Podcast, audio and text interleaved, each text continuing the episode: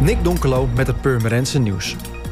De Purmerendse wethouder Harry Rotgans heeft laten weten dat de coronacrisis GGD Zaanstrijk Waterland tot nu toe 7,5 miljoen euro heeft gekost.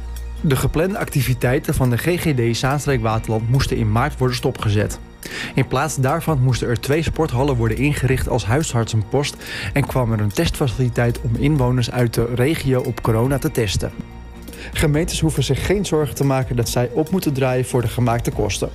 De corona-uitgaven worden namelijk geheel vergoed door het Rijk. Vanwege problemen met de snelwegcamera's stond er op dinsdag in de ochtend- en avondspits op de A7 tussen Horen en Zaanstad lange files. Vanwege het euvels met de camera's kon op het stuk snelweg tussen Purmerend en Zaanstad de spitsstrook niet open. Wat betekent dat het verkeer daar met een rijstrook minder moest doen. Ook hadden de parkeerautomaten in de stad een storing waardoor de verkeerde parkeertarieven en tijden werden uitgegeven. De handhaving meldt op Twitter dat het niet gecontroleerd werd op betaald parkeren. Het is sinds maandag 8 juni weer mogelijk om boeken en andere producten te reserveren bij Bibliotheek Waterland.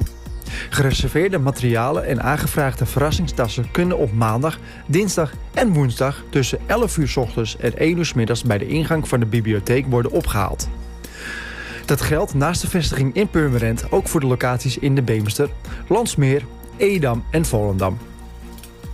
De versoepelde maatregelen komt twee weken nadat de bibliotheek weer werd geopend voor bezoek.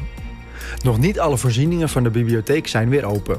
Zo zijn de toiletten, de studiecabines, de leestafels en de cursusruimte nog gesloten en is het nog niet mogelijk om te printen of te kopiëren. Voor meer nieuws kijk of luister je natuurlijk naar RTV Purmerend. Volg je onze socials of ga je naar rtvpurmerend.nl.